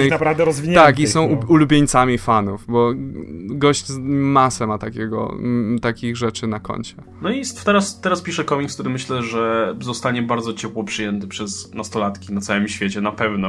Komiks pisany przez 70-letniego pana z tak długą historią w komiksach, także no to robi wrażenie naprawdę. To jest też o tyle tyle, jeszcze, to jest że jest o tyle dobre, że jak patrzysz na Starlina na przykład, który dostał te Infinity Entity, to czujesz, ten, czujesz no, tę Starlin się po prostu zatrzyma w którymś momencie i wiesz, że już czujesz nic to, nowego to, nie dokładnie. napisze. On zatrzymał się w tych, po, pierwszy, tych wiesz, początkach lat 90., jak pisał tego swojego Thanosa i Infinity Gauntlet i tak dalej, i Warlocka i tak dalej. I on, on pisze cały czas to samo. Mniej dalej Czasy się samo, zmieniły, on pisze a, cały czas to samo. A tu czujesz, że gość naprawdę. Właśnie to czasami jest ten niepokój, że gość, który pisze tak długo, że gdzieś w którymś momencie zatrzyma swój styl, ale nie, to jest, to jest kompletnie aktualnie napisana historia, kompletnie w aktualnym stylu, więc. No, zdecydowanie. E, ciekawostka, Tim Drake został nazwany po Timie Bartonie. Haha, ciekawe. Okej, okay, przeglądałem Wikipedię Timie, Drake, Drake'u akurat. E, dobra, no to słuchajcie, w ogóle dla mnie to był bardzo dobry tydzień w komiksach. Tak jak w poprzednich tygodniach sobie narzekałem, że, że to mi się nie podobało, to mi się nie podobało, tak w tym tygodniu naprawdę było tyle do czytania, naprawdę dobrych rzeczy, że no dawno, dawno już tak dobrze, dobrze nie było. No bo były te, był ten, było to Monster Man, które akurat mi się bardzo podobało. E, było to Trinity Superman. Oprócz tego był nowy zeszyt Vision, który był, no, to ta seria jest cały czas genialna i w zasadzie z każdym zeszytem się robi jeszcze lepsza, bo i jeszcze dziwniejsza i bardziej niepokojąca, więc tak żałuję, że to się kończy. Był nowy Ant-Man, który swoją drogą też się dalej skupia na rodzinie, właśnie na relacjach Scotta z Cassie, bo Scott teraz siedzi w ogóle w więzieniu przez to, że krył Cassie, więc no, typowy Scott Lang. No, ma, mało, niewiele było takich komiksów, które by mnie tutaj rozczarowały. No i były jeszcze komiksy z Image, który był genialny. Nowy, nowy zeszyt pojawił się, nowa seria e, Ricka Remendera, który już e, od, od jakiegoś czasu nic z niestety nie publikuje, ale, ale zaczął, zaczął bardziej tutaj inwestować w te creator-owned e, komiksy. No i to się nazywa i to się nazywa Seven to Eternity i jest ilustrowane przez e, Openie, czyli gościa, który wcześniej na przykład e, Avengers ilustrował tych e, Hickmana na początku. No i ten komiks wygląda tak niesamowicie i, i prezentuje właśnie taki zupełnie nowy, świeży świat. To jest w ogóle najfajniejsze w tych seriach z nimi, że kiedy bierzesz ten pierwszy zeszyt i nie wiesz czego się spodziewać, e, bo praktycznie możesz tam dostać cokolwiek. W zasadzie możliwości są nieograniczone i poznajesz ten nowy świat, to jest strasznie fajne. Był, był świetny one-shot z The Wicked and the Divine, The Wicked and the Divine, który był e, wiecie, tam jest ten koncept, że ci bogowie się odradzają jako gwiazdy pop, a tu był one-shot, który pokazywał poprzednią e, falę tych, tych e, reinkarnacji bogów w latach właśnie w XIX wieku wieku. E, I to był, miał, miał klimat takiej jakby gotyckiej historii, jak e, kojarzycie do spotkania między Mary Shelley i, i, i tym, tym podobnych um, autorów, którzy się spotykali i tam opowiadali sobie historie, straszne historie, nie? No to, to, to jest mniej więcej w tym klimacie utrzymane, także też świetna rzecz. Także no, było, było dużo do czytania i ja jestem absolutnie zachwycony. Zresztą um, te myślę, że niektóre, część z tych komiksów jeszcze zrecenzuję u siebie na blogu, gdyby ktoś był ciekawy. To ja powiem tak. Um z Marvela, no niestety cały czas jest Civil War, więc większość komiksów tak sobie wychodzi, aczkolwiek było kilka dobrych tytułów. All New Wolverine dalej trzymał, uważam, poziom z tych, które ja czytam. Extraordinary X-Men Annual, pierwsza część była słaba, ale druga historia o Lunelli i Forge'u była całkiem mm, fajna. E, był Karnak, który mi się cholernie podobał, więc jak za pół roku wyjdzie wreszcie szósty numer, to, to może podsumuję tą serię, bo to będzie cała zamknięta. W każdym razie Tutaj tylko szybko piąty numer e, spowodował, że do tej pory pokazano nam jak zajebisty jest Karnak, a piąty numer pokazuje nam, wiecie, to, to wszystko co wam tutaj pokazaliśmy, to nie robiliśmy po to, żeby pokazać jaki on jest świetny, tylko jaki on jest wadliwy. A jakby wada jest i szukanie wad jest esencją Karnaka, więc bardzo mi się podobał ten zwrot akcji. Natomiast chciałbym powiedzieć dwa słowa o innym zeszycie niekoniecznie pozytywnie, czyli Amazing Spider-Man odcinek 18, ponieważ wymazali pewną postać e, kompletnie i wrócili ją do starego statusu quo, co uważam jest takie trochę ble i wiąże się trochę z naszym głównym tematem, czyli rozwój postaci i tą wielką ścianą. I jeszcze mówimy o Spider-Manie, który już raz zasłynął z cofnięcia. Mamy ponowne, mianowicie jeżeli lubiliście Superior Spidermana, jeżeli lubiliście Doka Oka, który jest przy okazji trochę bohaterem i tak dalej, pożegnajcie się z nim, bo już go nigdy nie zobaczycie. E, nowy Amazing Spider-Man jest o tym, że Doktor Octopus siedzący sobie w ciele tego Living Braina, próbuje przeskoczyć do jakiegoś tam innego ciała, myśli o ewentualnie, skoro jest tym samym z klonami, to wyklonowaniu sobie ciała Petera, e, ale dostaje historię od Petera Parkera i Anny Marie o tym, jak, o tym jego poświęceniu, o tym, jak uznał, że to w, w, ostatecznie, że to mm, Peter jest superior, o tym, że jakby Peter wcale nie, wal, nie, nie znalazł jakiegoś podstępu, żeby go wyrzucić ze swojego ciała, no bo to jest ten, ta świadomość ze Spider-Verse'u, czyli ten, który jeszcze tego nie przeszedł. I zamiast jakby zrozumie, że co, coś takiego jest, zaczął szaleć, mówić, że to niemożliwe, że coś jest nie tak i ostatecznie doszedł do wniosku, że to inferior mózg Petera Parkera spowodował, że podjął taką durną decyzję i teraz będzie chciał sklonować swoje własne stare, grubo, grubiutkie ciałko, do którego przyczepi swoje kochane macki ja i pierdolę. wróci do bycia doktorem Octopusem. Co, co mnie bardzo zażenowało, bo pomijając już powrót doktora Octopusa, pomijając tego wszystkiego, to jest wywalenie niesam... Y, wielkiego nie, nie wierzę, że Dan Slott podjął tą decyzję Nie, to jest sam, edytor, rozbu- na pewno redaktor. Nie wierzę, że Dan Slott sam podjął tą decyzję, bo nie po to napocił się pisząc niesamowitą historię Superior Spidermana, która dała odkupienie i nowy szacunek do doktora Octopusa i rozwinęła tą postać, po to, żeby na przełomie dokładnie jednego zeszytu wszystko to wyrzucić do kosza, a dokładnie tym jest ten zeszyt. Po prostu cały ten piękny rozwój Octopusa, który spowodował, że polubiliśmy tą postać, właśnie takiego buca, który nie do końca już chce być bucem. E, wszystko to zostało wyrzucone w tym momencie do śmietnika jednym ruchem. Także dzięki Marvel. Ta taka a propos rozwoju postaci, dzięki. Dobrze wam idzie. Thanks Obama. to jest, wiesz, to jest charakterystyczne dla zmian narzuconych przez redaktorów. Takie właśnie nagle, kompletnie rozwój postaci idzie w jednym kierunku i w pewnym momencie idzie w kompletnie przeciwnym na przestrzeni jednego, dwóch zeszytów. No właśnie dlatego nie wierzę, że Dansot, który poświęcił 31 zeszytów na rozwój postaci, skasowałby ją w jednym. Tak, i, i cofnął ją bata, idealnie wierzę, do tego punktu, decyzja. z którego zaczynał. No to jest, tak, wiesz, ewidentne. Nie wierzę Chcemy mieć starego doktora Octopusa, bo doktor Octopus Go. jest y, ikonicznym po, y, przeciwnikiem tak. z P Petera Parkera. Chuj z tym, że, że rozwój, że Superior Spider-Man sprzedawał się jak świeże bułeczki, że była to, to był rozwój i był chwalony w milionach recenzji i ostatni komiks po prostu spowodował, że ja, osoba, która była sceptyczna do całej serii, nagle popatrzyła na nią zupełnie w inny sposób i dzisiaj mówię o niej w samych superlatywach. Nie, to kompletnie jest nieważne, ważne jest to, żeby wyciągnąć tego ikonicznego. Oni, wydaje mi się, że teraz patrzą na Rebirth i mówią, że trochę opacznie to rozumieją. Zresztą narzekam na to, ale już dzisiaj nie będę tego mówił, bo za dużo czasu, że z Venomem robią coś podobnego, nie? Cofają go w rozwoju. Tak mam wrażenie, jak to się wyjaśni, to może okaże się, że będzie to jakoś bardziej rozbudowane, ale mam wrażenie, że to jest Rebirth traktowane bardzo po macoszemu, kiedy w DC to jest rozwój oparty na Właśnie Rebirth działa tak dobrze, dlatego że nie cofnęli żadnej postaci. Tak. Tylko po prostu. Oni budują na tym, co było. Tak. Odko odkopali wręcz to, co było wcześniej i na tym budują. Tak, albo A tutaj mam wrażenie, po prostu jest... postać w kierunku tego, w kierunku jakichś takich esencji jej, jej, jej postaci. Tak, nie? a tutaj mamy po, wiesz, że ej, ten kolej, nie, nie wierzę, żebym podjął tak chujową decyzję. Wracam. Wolę moje tłuste, stare, tekst, chore tekst. ciało.